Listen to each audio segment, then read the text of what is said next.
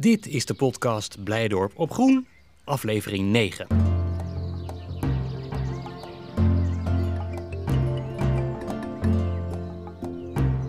Alweer bijna een half jaar is Diergaarde Blijdorp gesloten voor bezoekers. En zeker in deze tijd van het jaar is dat extra frustrerend. Want het is voorjaar, dat zie je, dat voel je, dat merk je aan alles als je hier loopt. Vogels bouwen nesten bijvoorbeeld en alles is weer groen. En als je naar de bomen kijkt, dan zie je overal weer blaadjes en knoppen.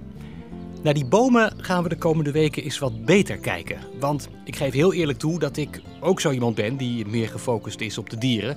Maar ik krijg dus een privé-rondleiding van drie botanisten: Laurens Jan, Hans en Remy. Nou, alleen dat al is een groot voorrecht. Maar ik heb dan ook echt alleen maar dingen gehoord die ik nog niet wist. Ik ga voortaan anders naar die bomen kijken. En ik hoop jij ook na het luisteren. We beginnen onze bomentour in Noord-Amerika en lekker in het zonnetje. Mooi zicht op de bisons vanaf eh, de plek waar we hier staan in eh, de dierentuin, die verder helaas nog steeds uh, dicht is. Af en toe breekt er een zonnetje door. Het is beter weer dan de vorige keer toen we in Amazonica liepen, LJ. Ja, dat hebben we goed uitgezocht. Om uh, nu met het wat droger weer even in ieder geval naar buiten te gaan. Want daar is nog ontzettend veel te zien. Hè. Ja, bomen met name. Hè. We gaan vandaag een beetje, we gaan een beetje focussen op de bomen. Ja, klopt. En uh, nou, dat moeten we ook aan onze specialisten overlaten van de dierentuin. Uh, ja. Hans Kuiten en Remy Kroon. Ja, die staan hier naast ons. Die staan hier naast ons. En ja, bomen zijn erg belangrijk natuurlijk hè, voor, voor ja, dus ze produceren zuurstof. Ze, ze zijn goed om in, in, het klimaat van de stad de temperatuur naar beneden te brengen. En bomen hebben natuurlijk ja, aansprekelijke eigenschappen voor mensen. We, we, kennen dat natuurlijk, ja, we kunnen niet zonder.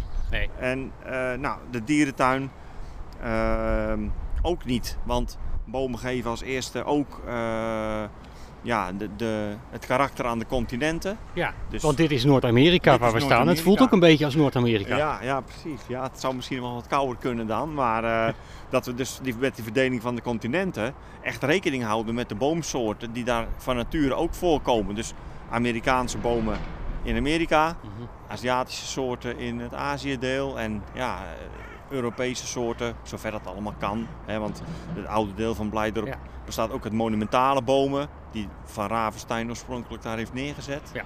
Dus we zullen dat straks allemaal uh, gaan zien en bespreken. Ja. Wat dat betreft is het deel waar we nu staan, ja, daar kon je natuurlijk optimaal je gang gaan. Want het was natuurlijk één grote kale bedoeling zo'n jaar of twintig geleden. Dat, Ja. dat kon je echt helemaal inrichten op de meest ideale manier. Ja, zeker. En uh, ja, daar, daar is vooral gebruik gemaakt van ook effecten die uh, in Amerikaanse bomen ook terugkomt. De zogenaamde Indian Summer. Dat, zijn dus die, dat is dus een verschijnsel wat je daar hebt in het noorden van Amerika. Dat door het, de, de strenge inval van de vorst die bomen heel snel verkleuren in de herfst. Dus uh, rood en geel. Ja, en uh, nou, dat, dat is met een uitgekiend beplantingsplan is dat een beetje uh, nagemaakt met varianten en kweekvormen van sommige bomen. En op afstand is dat effect echt goed zichtbaar ja. in de herfst dus. Dus en in daar de zomer is, is daar is echt over nagedacht. Ja, zeker. Ja, ja, ja, daar uh, zijn we wel trots op. Ja. En de bomencollectie als geheel, dus met die effecten, maar ook met de botanische soorten, is weer een, een keurmerk uh, waardig is gebleken. En we zijn aangesloten bij, uh, ja, ja, bij de Nederlandse Dendrologische Vereniging, ja. bij de Nederlandse, Bota Nederlandse Vereniging Botanische Tuinen. Maar we hebben ook een uh, keurmerk gekregen van ARPNet. Dat is een soort wereldwijd netwerk van arboreta verspreid over ja, vooral Noord-Amerika. Ja, arboreta, bomentuinen, hè, voor ja. de mensen die het woord ja. niet kennen. Ja, en die bomencollecties, ja, het is niet per se een wedstrijd.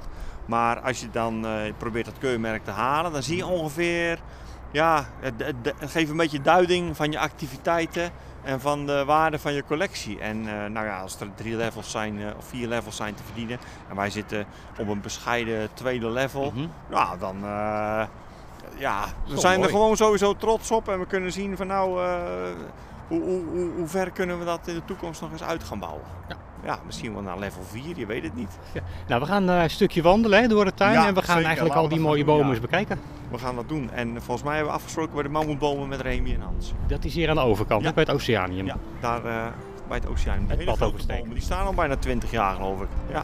De mammoetbomen. Je ziet ze vast wel voor je. Als je het Oceanium uitloopt richting de Ibissen, dan vind je ze aan de linkerkant. Een mooi groen grasveld met metershoge bomen. Nou, steek het pad over en daar staat inderdaad Remy bij de mammoetbomen. En ja, toen het Oceanium werd uh, geopend, werd opgeleverd in, wat was het, in 2000. Toen was, toen was ik hier uh, ook al, kan je nagaan hoe oud ik ben. en toen waren dat hele jonge boompjes toch nog? Dat waren zeker nog jonge boompjes. Uh, ze hebben een tijd lang bij ons nog op, op de kwekerij gestaan, achter. En daar hebben ze een aantal jaren gestaan. Toen op een gegeven moment hebben we ze verplaatst deze kant op. En dan zijn ze een stuk groter geworden zoals je ziet. Ja. Dus heel imposant zijn ze, hè? Prachtige bomen. Ja, ja, ja. Nou, dit zijn nog de jonge exemplaren zelfs, okay. eigenlijk ja, de mammoetboom is op zich een, uh, best wel een indrukwekkende boom. Ook wel een bijzondere boom. Er zit hele bijzondere eigenschappen aan. Nou, deze die zijn nu, ja, wat zal het zijn ongeveer?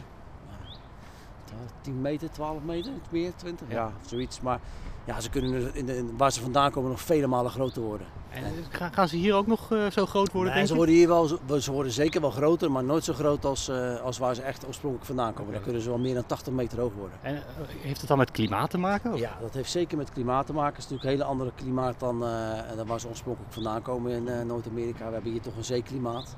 Ja. Dat is dan niet echt te vergelijken met waar ze daar staan. Ze hebben ook wat strengere winters, veel sneeuwval, waar ze ook eigenlijk wel veel profijt van hebben.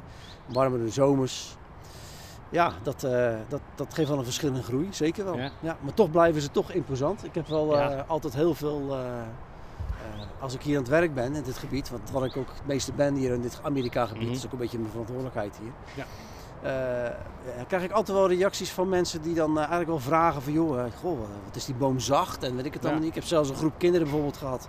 Ik was dan bezig en die jongens die liepen er naartoe, want je kan daar eigenlijk zo naartoe lopen hier op het ja, grasveld. Precies. Ja. En die raakten het aan en als je hem dan indrukt is die heel zacht. Ja. En dan ja, zeg, die kan er zelfs op slaan. Dus ja. een boksboom is bijnaam, slaat erop, ja, je voelt niks. Ja, waarom is dat dan? Nou ja, dat komt omdat die bomen die zijn vuurbestendig. Nou, dan gaan de echte ogen open. Zo van, hé? Vuurbestendig? Vuurbestendig, ja. Ze kunnen dus heel goed, uh, ze kunnen dus heel goed vuur uh, ondergaan. Ze hebben dat ook nodig mm -hmm. uh, voor een voortplanting zelfs. Maar dat betekent dat bij bosbranden en dergelijke ze vaak toch wel gespaard blijven? Uh, bij normale bosbranden, dat, mhm. dat, zal, ik, zal, ik, een beetje anders uitleggen, maar uh, normaal gesproken als dus, laten we zeggen, daar uh, bosbranden ontstaan, waar ze oorspronkelijk vandaan komen, -hmm. en de bosbranden zijn, laten we zeggen, gewoon normaal, dan kan zo'n boom, ja, die kan dat gewoon hebben. Ja. Ze zijn veel hoger, takken zitten hoger, de bast die kan het heel goed opvangen. En Daardoor activeert bijvoorbeeld ook de kegels die vallen, die gaan open. De zaden worden geactiveerd om, uh, om, uh, om te gaan groeien. En zo krijg je dus jonge exemplaren weer van die bomen. Ja. Zijn het eigenlijk naaldbomen of loofbomen? Of het, zijn, uh, het is oorspronkelijk een coniferensoort. Ja. Alleen ja, dit is dan wat meer schubbig en stekelig. En ja, dat, dat is wel een beetje het het is niet echt een loofboom, nee, totaal niet. Nee, nee. nee, want dat is wel een beetje wat het normaal gesproken bij dat soort biotopen past, toch? Naald en loof? Nou, uh, vooral bij uh, uh, waar deze voorkomen, komt eigenlijk alleen maar het veel deels, merendeels deze soort voor. Dat is op een bepaald gebied in Amerika waar ze mhm. voorkomen. Mm -hmm. Waar ze echt ook alleen maar daar voorkomen, Sierra Nevada. Oké, ja. Op volgens mij dacht ik zo rond de 2000 meter hoogte of zo. En die gebieden die, uh, ja, die bevatten heel veel grote exemplaren. Zoals ook, uh, ze krijgen ook speciale namen zelfs daar zo in Amerika. Generaal Sherman bijvoorbeeld, dat is een van de mm -hmm. meest zware bomen ter wereld. Het is ook ja. een recordhouder. Die weegt pak een beet iets meer dan 2 ton. Nee, 2000 ja. ton. Omstamomtrek, pak een beet 30 meter. Dus je moet met tiental mensen eromheen staan om hem te kunnen omarmen. Ja, dat ja, is niet te vergelijken met nee. een natuurlijk. Nee, maar het is wel indrukwekkend. Deze bomen zijn ook wel bedreigd. Uh, de, originele aantal uh, die daar staan neemt af. En dan zou je denken, ja, hoezo? Nou ja, dat komt toch door bosbranden. Mm -hmm. En dat is daar een beetje een raar verhaal, maar uh, omdat het daar dus een verdroging ontstaat door hele hete zomers, dat eigenlijk een beetje toch wel door het klimaatverandering ja, ja gebeurt, ja. Krijg je daar heel veel verdroging en gaan toch een aantal exemplaren bijvoorbeeld dood. En blijft er dus heel veel, zoals het allemaal zegt, brandstof staan voor het vuur. En dat, dat kun je ook terug zien in het, in het nieuws dat er toch dan zo heftige branden zijn dat nog de oude exemplaren toch, toch beschadigd raken door het vuur. Ja. Terwijl ze heel veel kunnen hebben, maar ja. En daardoor gaan toch die oude exemplaren op een gegeven moment dood. Uh, zouden bijvoorbeeld jongere boompjes het uh, moeilijker uh, tot volwassendom komen en nemen ze een aantal af. En dat is wel heel erg jammer. Dus. Ja. In, de, in, in de dierentuinwereld is het zo dat met ernstig bedreigde diersoorten wordt gefokt om ze in stand te houden. Is dat bij deze bomen, kun je, kun je deze bomen kweken? nou ja, je kan, kijk, je kan ze gewoon natuurlijk kopen. Je kan ze natuurlijk opkweken en dergelijke. Maar ja, om de oorspronkelijke populatie te behouden Er zijn wel stichtingen daar, aan de andere kant natuurlijk, in Amerika, Ja. bezig bijvoorbeeld met eh, eh, uit zaad opkweken en dergelijke. En dan proberen terug te plaatsen in de oorspronkelijke plek waar ze vandaan komen. Ehm, ja, dat doen wij. We hebben ook een aantal zaden en jonge boompjes hebben wij ook, die zijn door andere kwekerijen bijvoorbeeld opgekweekt, echt uit zaad van Amerika. Die hebben wij ook achter staan. Die willen wij in, binnen al korte tijd laten zien ook, dat Ja. we dat, eh, daar wat mee bezig zijn. Ja, maar achter bedoel je in de kwekerij? In de kwekerij staan ze ja. nog, maar ze gaan zeker hier naartoe, naar de plek waar nou de oorspronkelijke bomen ook staan. Mhm. Eh, en wat wij eigenlijk eh, binnen een aantal jaren toch wel willen realiseren is het, is het, het mammoetwoud. Dat we dan de mensen een, een deel tussen deze bomen laten lopen. Natuurlijk Ja. veel meer met nog meer exemplaren van deze soort en de, de kustversie ook ervan. Oké, en dan komen er echt paden tussendoor. dan komt er echt een pad tussendoor om echt eh, de mensen op te wijzen van hoe bijzonder deze bomen zijn. En met een goed stuk educatie erbij om te Ja. vertellen over, de, ja, over toch het klimaatinvloed erop. eh, wat, eh, waar, hoe komt het met die bomen? Wat, wat wordt eraan gedaan? Welke stichtingen zijn daarmee bezig om ze weer terug te krijgen in de natuur? Wat willen wij eraan doen? Nou ja, bij ons is het natuurlijk een fantastische plek, dierentuin zeker. Om eh, het verhaal van deze bomen eh, via de bomen zelf en als eens daar doorheen te kunnen lopen om te kunnen vertellen wat er dan aan- met die bomen aan de hand is. Ja. En wat we daar kunnen doen. Een stukje mammoetwoud in Rotterdam. Dat zou gaaf zijn. Ik zie het al voor me hoor. Maar ja, eerst moet eh, Blijdorp maar weer eens gewoon open. We vervolgen onze bomenwandeling. In de volgende aflevering gaan we eens kijken bij de ringstaartmakies. Want die leven hier in een omgeving die ook echt wel lijkt op Madagaskar, waar ze vandaan komen. Maar er is toch echt wel heel wat denkwerk van de botanische afdeling aan vooraf gegaan om dat zo te krijgen. Hoe richt je nou zo'n dierverblijf in en wat voor groen vakmanschap komt daarbij kijken? Je hoort het in aflevering 10.